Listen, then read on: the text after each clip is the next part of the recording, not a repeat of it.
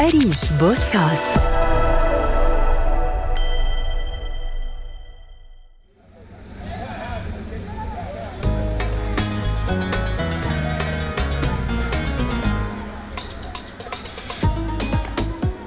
بين أزقة عمان القديمة والحواري والمقاهي يلحظ المارون وجود مجموعات من الأجانب بملامح آسيوية أو أوروبية. بالنسبة إلي كأجنبية بروح على بلد جديد. آه، وهو مثلا مش متمكن من اللغة بلاقي تحديات. أكبر تحدي واجهته هو الاختلافات الكثيرة بين اللهجات العامية.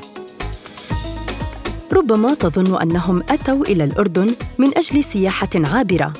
لكن إذا اقتربت منهم وتحدثت إليهم يردون عليك بلغة عربية مكسرة. فهم ليسوا سياحا لكنهم طلاب علم أتوا إلى الأردن لتعلم اللغة العربية. مشهد يعكس دور الأردن الكبير في نشر اللغة العربية حتى أصبحت أحد أهم بلدان الشرق الأوسط التي تعلم اللغة العربية لغير الناطقين بها.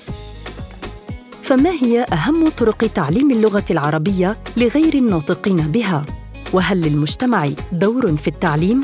وكيف يؤثر ويتأثر الطلاب بالمجتمع الأردني؟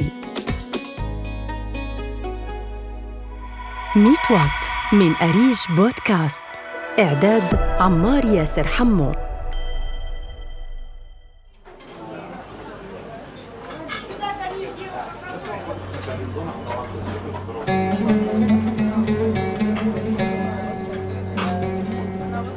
أحد مقاهي دوار باريس تعرفنا على فتاة بملامح أوروبية تدعى ساندرا. فما هي قصة ساندرا مع تعلم اللغة العربية؟ مرحبا اسمي ساندرا وأصلي آه، من هنغاريا أنا هنغارية بس آه، بدرس في إنجلترا من ثلاث سنوات. بدأت اللغة العربية لما بلشت الجامعة آه، في إنجلترا وقررت أدرس العربي عشان في كل حياتي حبيت كثير اللغات وكان بدي يعني تحدي لغوية وكمان آه، في رأيي الثقافة والتاريخ العربية كتير كتير مثيرة للاهتمام فعشان هيك بدرس أحبت ساندرا اللغة العربية من أجل التعرف على التاريخ والثقافة العربية. ذهبنا إلى معهد سجال للغة والثقافة العربية. تقابلنا مع المعلمة لما لنعرف أهمية العمق الثقافي وتأثيره في تعلم اللغات. هلا أنا بعتقد إنه الثقافة هو مكون كتير مهم آه، في تعلم أي لغة بشكل عام.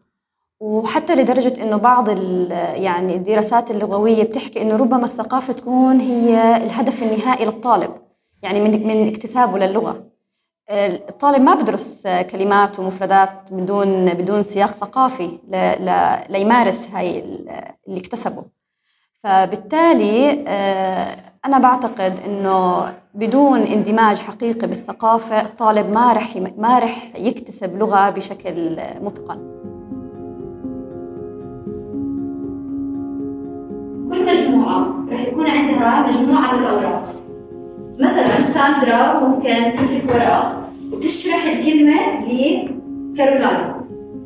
حدا دقيقة لتشرح أكبر قدر ممكن من الكلمات اللي معها هون. يبدأ دارسو اللغة العربية الدراسة بطريقة أكاديمية تعتمد على الألفاظ والمفردات الفصحى لكن تلك الطريقة تحصر الدارس في مجتمع الطلاب الضيق ابتكرت ساندرا طريقة أخرى تساعد على سرعة التعلم من خلال التعرف على لغة المجتمع الذي يعتمد لهجة ومفردات لم تجدها ساندرا في منهج الدراسة الأكاديمي. أظن إنه إلى جانب بشكل عام آه، بيدرسوا الفصحى وبيركزوا على الفصحى وأظن إنه الفصحى مهمة كتير ويعني أساس كتير كويس آه، للغة. بس منذ إني هون في الأردن بحس إنه العامية كتير كتير أهم من الفصحى وبحب كتير لما يحكوا لي الناس آه آه فصحى فصحى بس كمان في كلمة بالعامية. تحاول ساندرا التعلم من خلال الاحتكاك مع الشارع الأردني وتعلم لهجته العامية لكن مع تعدد اللهجات العامية في العالم العربي هل العامية الأردنية تسعف الدارس للتعامل في مختلف الدول العربية أم أن تنوع اللهجات العامية يمثل تحدياً للدارسين؟ وجهنا هذا السؤال إلى الصحفي الأمريكي داني والكوفيك الذي تعلم اللغة العربية في الأردن وعاش فيها بين عامي 2013 و2016 بالنسبة لي شخصيا أكبر تحدي واجهته هو الاختلافات الكثيرة بين اللهجات العامية. فعلى سبيل المثال أنا هسه أفهم اللهجة الأردنية والفلسطينية والسورية واللبنانية يعني مفهومة تماما بالنسبة لي أما اللهجة المصرية أنا بلاقي صعوبة يعني كبيرة عشان أفهمها. ونفس الإشي بخصوص اللهجة العراقية. يعني جدا صعب أني أفهم اللهجة العراقية. ف وحتى بالأردن يعني في يعني اللهجة الأردنية مفهومة بس في بعض القرى أو البلدات يعني موجود في الأردن وأهلها لهجتهم جدا صعبة. يواجه الدارسون للغة العربية مشكلة التعلم بالفصحى غير المستخدمة بين أفراد المجتمع العربي أو بالعامية التي تختلف لهجاتها من بلد إلى آخر مما يجعل البعض يشعر بصعوبة تعلم اللغة العربية فما هي النصيحة التي تواجهها كيتي وايتن المديرة التنفيذية لمعهد سجال للغة والثقافة العربية للدارسين للغة العربية؟ نصيحتي لأي طالب أجنبي أن يكون عنده ثقة في حاله وصبر. يعني آه، دائما بقول إنه هاي ماراثون. الواحد ما بيتعلم أي لغة بالليل ونهار هو لازم يستثمر الوقت. فيعني خلال هذا لازم يستمتع. لازم يتعرف لازم يفكر فيها كمغامرة حلوة. يعني مش ك مش كعذاب مش ك... كعبء. عليه هو بده يفكر فيها كمغامرة الحياة وهو ممكن يطول فيها بس في الآخر هي بتستاهل. ترى كيتي وايتن أن الصبر والتعامل مع عملية التعلم يجب أن يتحول إلى مغامرة شيقة هو السبيل المناسب لتعلم اللغة العربية. لكنهم في كل الأحوال يرتبطون ببعض العادات والتقاليد التي قد تنتقل معهم إلى مجتمعهم الأم. للصحفي داني والكوفسكي تجربة في حمل بعض العادات الأردنية معه إلى أمريكا. في عادات أخذتها معي على أمريكا لما رجعت هون. يعني مثلا من الناحية المادية أنا صرت مهووس في القهوة العربية فأنا اشتريت دولة قهوة يعني ركوة ومطحنة يدوية وكل يوم صبح أصحى وبعمل قهوة عربية. وأنا أعتقد أنه القهوة العربية يعني أزكى بالكثير يعني أطيب بالكثير من القهوة الأمريكية. من الناحية المعنوية أعتقد أنا أخذت يعني شغلة حلوة من الثقافة العربية.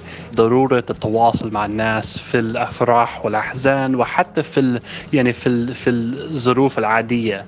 مثلا انه الواحد يعني يتصل في صاحبه اللي ما حكى معه من زمان بس عشان يطمن عليه.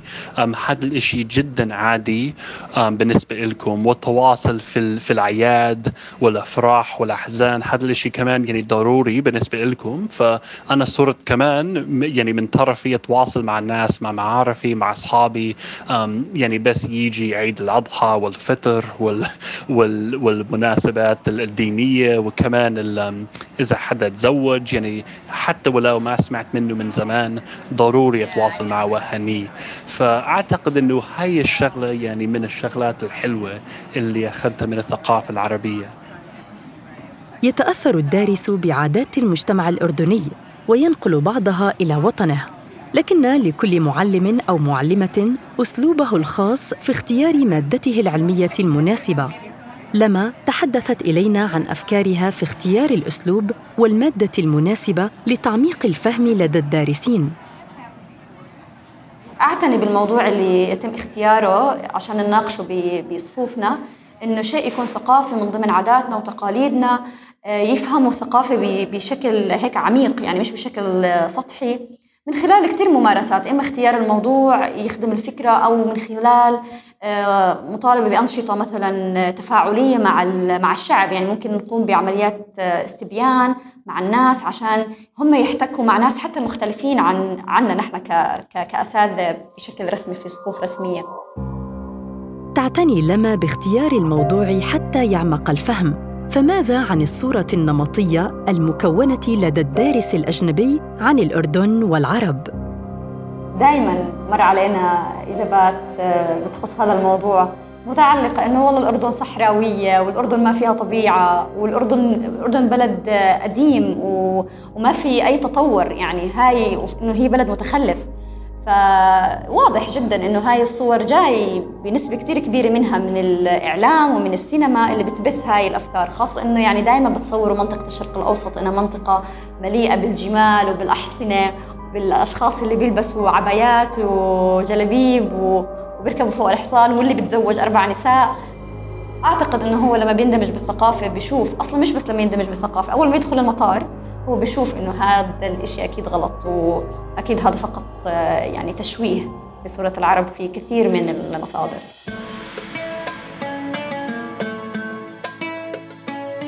أتت ساندرا وداني إلى الأردن ليعيشا تجربة تعليمية وثقافية ثرية تعلما فيها اللغة العربية وتعرفا على ثقافة المجتمع الأردني في وقت يشهد شغفاً وإقبالاً عظيماً على تعلم اللغة العربية لغير الناطقين بها والتي تحظى باهتمام كبير من الجامعات الحكومية والمعاهد الخاصة الأردنية مما وضعها في مقدمة الدول التي يسعى إليها الطلاب لتعلم اللغة العربية.